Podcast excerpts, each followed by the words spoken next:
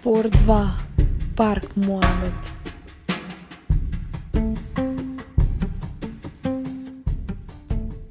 Во денешната епизода ќе зборуваме за пријателство. И ако бевме на пример матуранти, прво ќе почнавме со кратка дефиниција.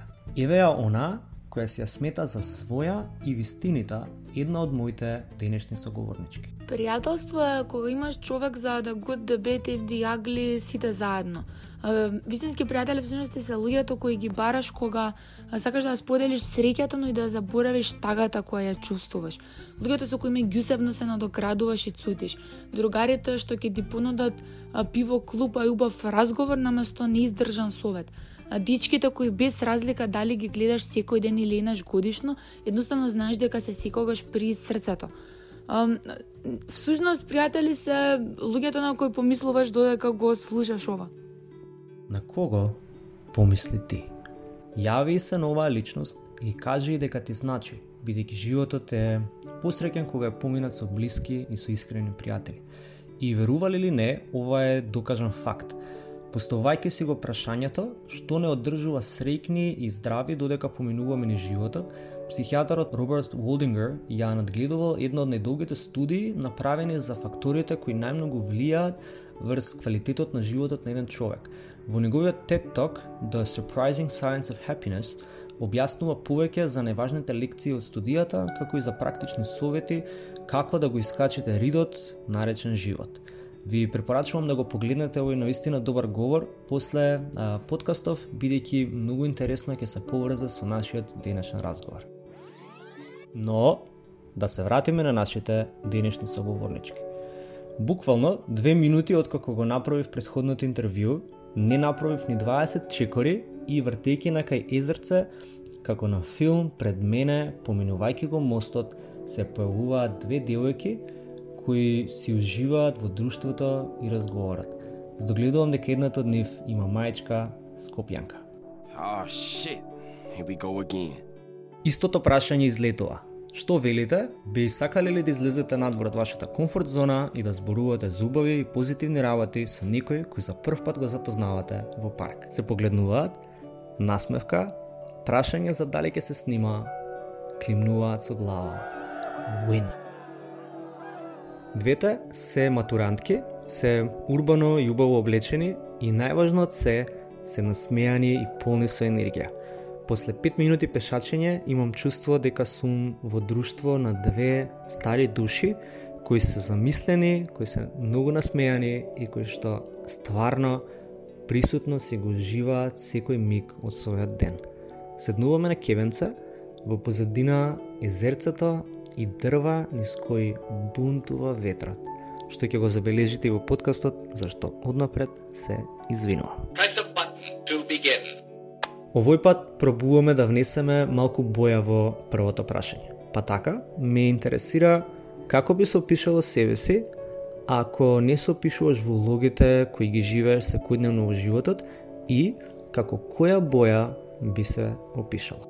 За луѓето што не ме знаат, би се представила како оптимистичен синефил и ако треба да се опишам со боја, би се опишала црвено.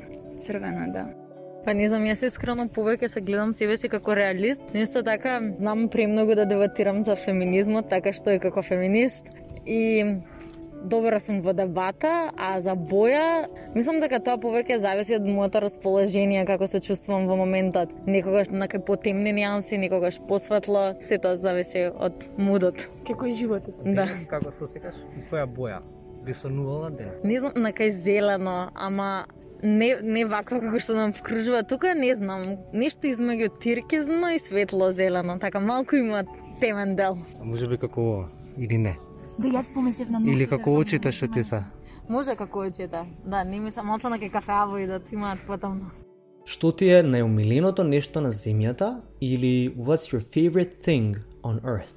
Нема никакви ограничувања во одговорот, ова може да биде било што. Ако треба нешто од тоа, било чувство, било емпатијата. Ми се свиѓа емпатијата на планетава Земја, што не е присутна кај чеко секој човек, ама гледам во посебно е што повеќе повеќе присутно луѓето се млади што поише поише свесни. Така да тоа би го издвоила како чувство, емпатијата што ми се свиѓа.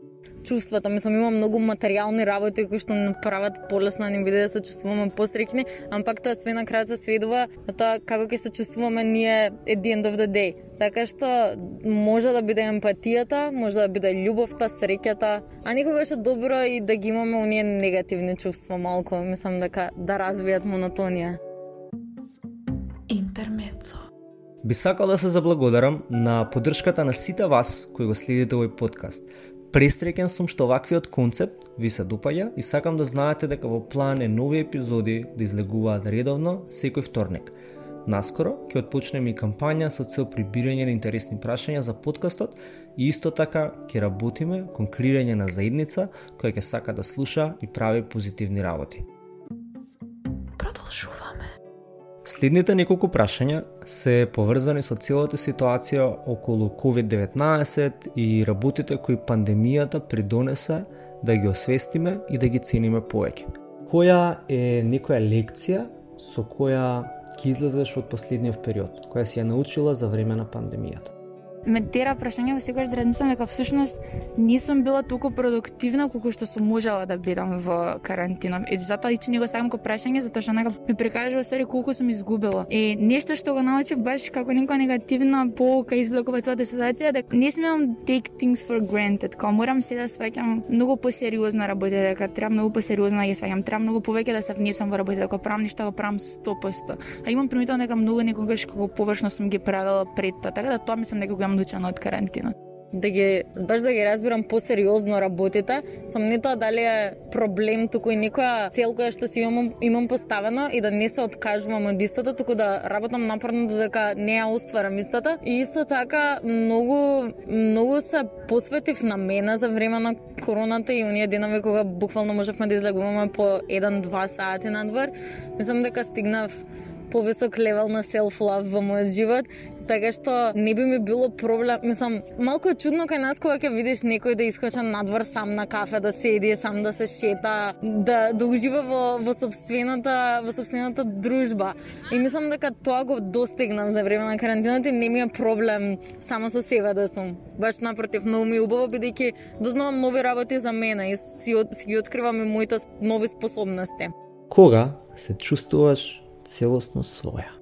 Многу често одам на, мислам, одам во Крушева, на пример, ќе го кажам кој град, и а, порано не уживав толку многу во природата и во луѓето таму кога што гледам дека чу, дека сега можам да уживам во самото. Така да мислам дека колку и да не сакам спортови, фитнес, рекреација, така начин на некој начин се имам пронајдено во природата таму.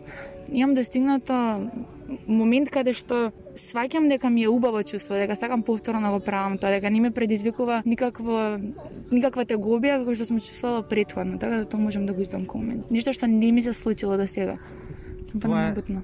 Само присутноста во место или е со кого си се Присутноста на местото, не со кого сум, тоа што ме збунет. Обично секогаш сметав дека место не може да биде убаво само по себе, туку дека луѓето го прават убаво местото. Но по полека моцес ја сваќам дека таа теорија може би не е најточна затоа што баш напротив можам да уживам во место што никогаш не ми се случило до сега. Не сум го притаа дека самото место само по себе може да биде убаво. И мислам дека тоа некако доаѓа од самата мисла, само од самата мене доаѓа тоа, не е дека нешто ми се сменило или нешто, туку тоа сум го пронашла себе дека јас можам да направам место да биде убаво само по себе, не луѓето околу мене го направат. Да, ама искрено за Крушево и ние кога дека бевме заедно, некако градот ти дава чувство на смиреност, мислам, те ти прави да се чувствуваш поудобно. Не знам, таков таков некаков вајб даде. Во малите градови во Да, да. Супер реклама за Крушево. да. А инаку за мене нешто што ме прави да се чувствувам убаво во последно време е мислам дека поминувањето време доста со моите и со пријателите бидејќи никогаш не сум кога сме живееле нели нормален живот пред една-две години, секогаш сме биле во брзање, некаде треба да одиш да искочиш со друштво надвор, немаш време дома да седиш со твоите. Мислам дека сега многу повеќе го ценам тој период и плюс тоа со пријателите бидејќи сега доаѓа време кога ние треба да одиме на факултет и сите ќе одиме на различни страни и ќе биде тоа, мислам дека уште од сега ја чувствувам таа носталгија, но затоа гледам да поминам повеќе време со нив и тогаш сум среќна. Кога последен пат си се чувствувала сакан. за нова година, затоа што а, некако баш мислам дека нас повеќе тоа ни доаѓа затоа што знаеме дека ни е последна година што ќе поминеме со пријателите и само да чувствува дека е последна година што поминуваш со тие луѓе со кои си поминал 4 години од самиот живот беше така многу пробудувачки. Во мене како ова морам си го поминам преубаво. И така во Крушево. И бевме во Крушево, точно Крушево. И многу е, некако сватив дека е многу важен како момент, се внесов целосно во него и толку беше едноставно, толку баш убаво си поминавме, така да тој момент така најлюбено си имам чувствувано. Така доаѓа 12 саат, ги гушкаш луѓето, знаеш дека последна година кога ги гушкаш, едноставно даваш си од себе, така да тој момент дефинитивно. Не, па добро, а, истото, можда да се надоврзам за, пред, за предходно и со пријателите, например, со сестра ми, кога сум, бидејќи сестра ми не беше тука, студираше надвор и сега имаме повеќе време да поминаме заедно. Така што мислам дека таа љубов ја чувствувам многу појачана, засилена и плюс од семејството општо. Ама да, и носталгијата тука е секако за другарствата. Ако некој на улица ве застане и ве праша за што сте најблагодарни од целава оваа ситуација со корона, што би му одговориле? Мислам, најблагодарна сум за тоа што карантините не ги, не ги преживав сама. Имав луѓе сам и не ги преживам. Кога, например, 4 дена карантин, ако си скроз сам, тоа е убаво, може би сама. Знаеш, едноставно потребна ти е таа љубов, таа поддршка, дека и така си ќе биде доброто. Така да за тоа сум најблагодарна, што имав луѓе покрај мене во таквата ситуација.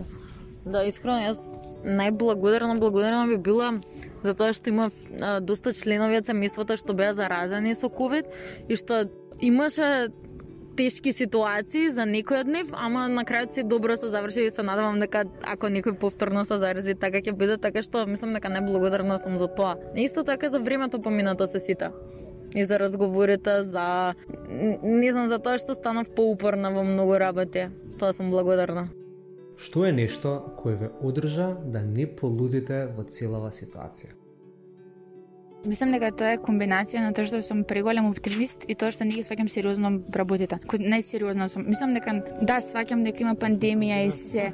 Ама да, многу интересна комбинација во вакви ситуации многу ми даде, дека многу ми помогна, да, затоа што од една страна всако ќе помине, има ситуации каде што еве се случуваат лоши работи, но има крај, а од друга страна всако не е толку сериозно, кога нема гајле, кој ќе преживееме, така да.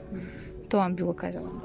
Јас мислам дека реално некако на почеток ми беше тешко, ама после тоа се соочив со фактот што се случува и го сватив мора е тоа е, ќе ќе се истрпи, мора да издржиме. А исто така ем, имав малку полудување, мислам прилично неколку ментал си имам за време емоционално хормонални пореметувања, ама добра сум. Се е окей, да. Со серии, со филмови, со разни активности од страна што пробуваме да го одвлечеме вниманието, остануваме ментално здрави. Зошто мислите дека луѓето повеќе не поставуваат храбри и интересни прашања?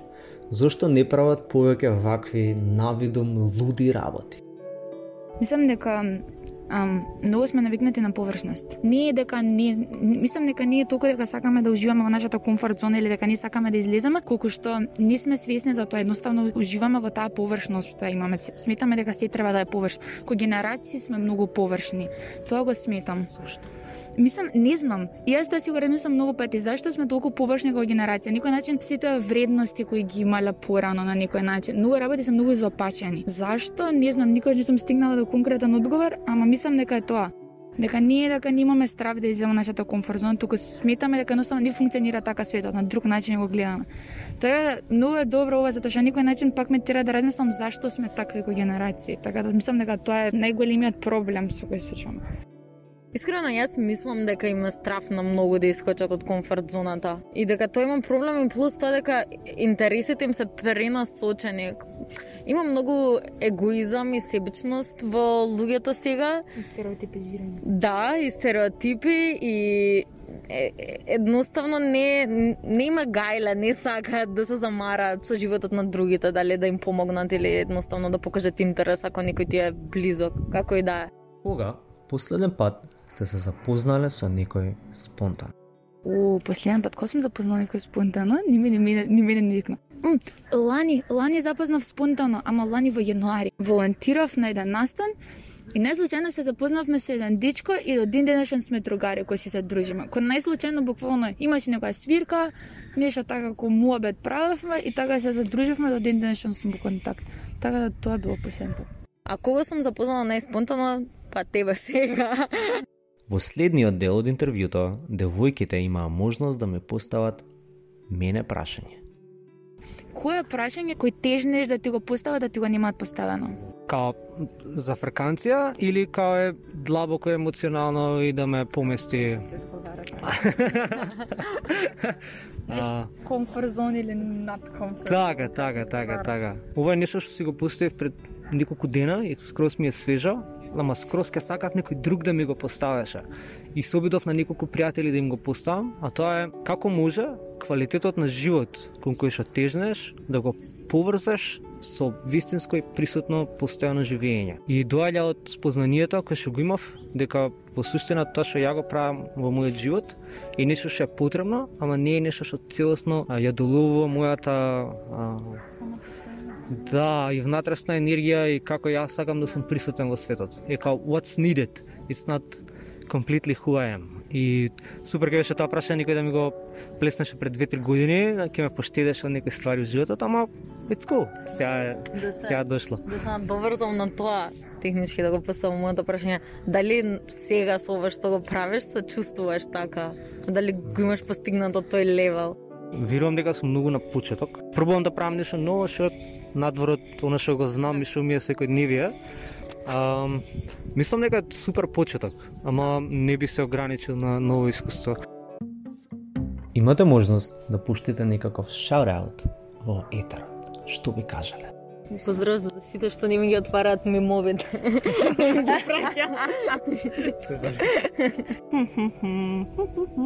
Поздрав да сите што не уживаат на журките на Мастер Хип Лјупчо во сабота. Нешто кое сите заеднички го делиме е предизвикот како да го задржиме пријателството кога најнаш светот и брзината со која што се се зголемува и менува стануваат преголеми и пребрзи. Како да имаш некој чувство како да стариот живот и некоја удолница по која на почетокот полека, меѓутоа потоа многу брзо се лизгаш надолу, а твојот нов живот е една комплетна горница во која што си обкружен со запишување на нов факултет, си обкружен со преселување во нов поголем град и каде што полека твојот предходен живот како да се фрагментира. Меѓутоа, нешто што сите го делиме како чувство е потребата да повремено ги одржиме старите пламени, да фрлиме по нека партија табла, да ставиме едно добро турско или да кликнеме повремено на копчето Call via Messenger. И колку и да животот ни е брз, ова е мое подсетување за вас, за две важни работи. Едната е дека вистинските пријатели никогаш не се заминуваат од твојот живот. Тие се овде, во твоите спомени, меѓутоа ќе бидат овде и во моментите кога најмногу ќе ти требаат. Затоа се тие вистински пријатели. И втората е Sometimes all you need is a phone call. Get up and do it.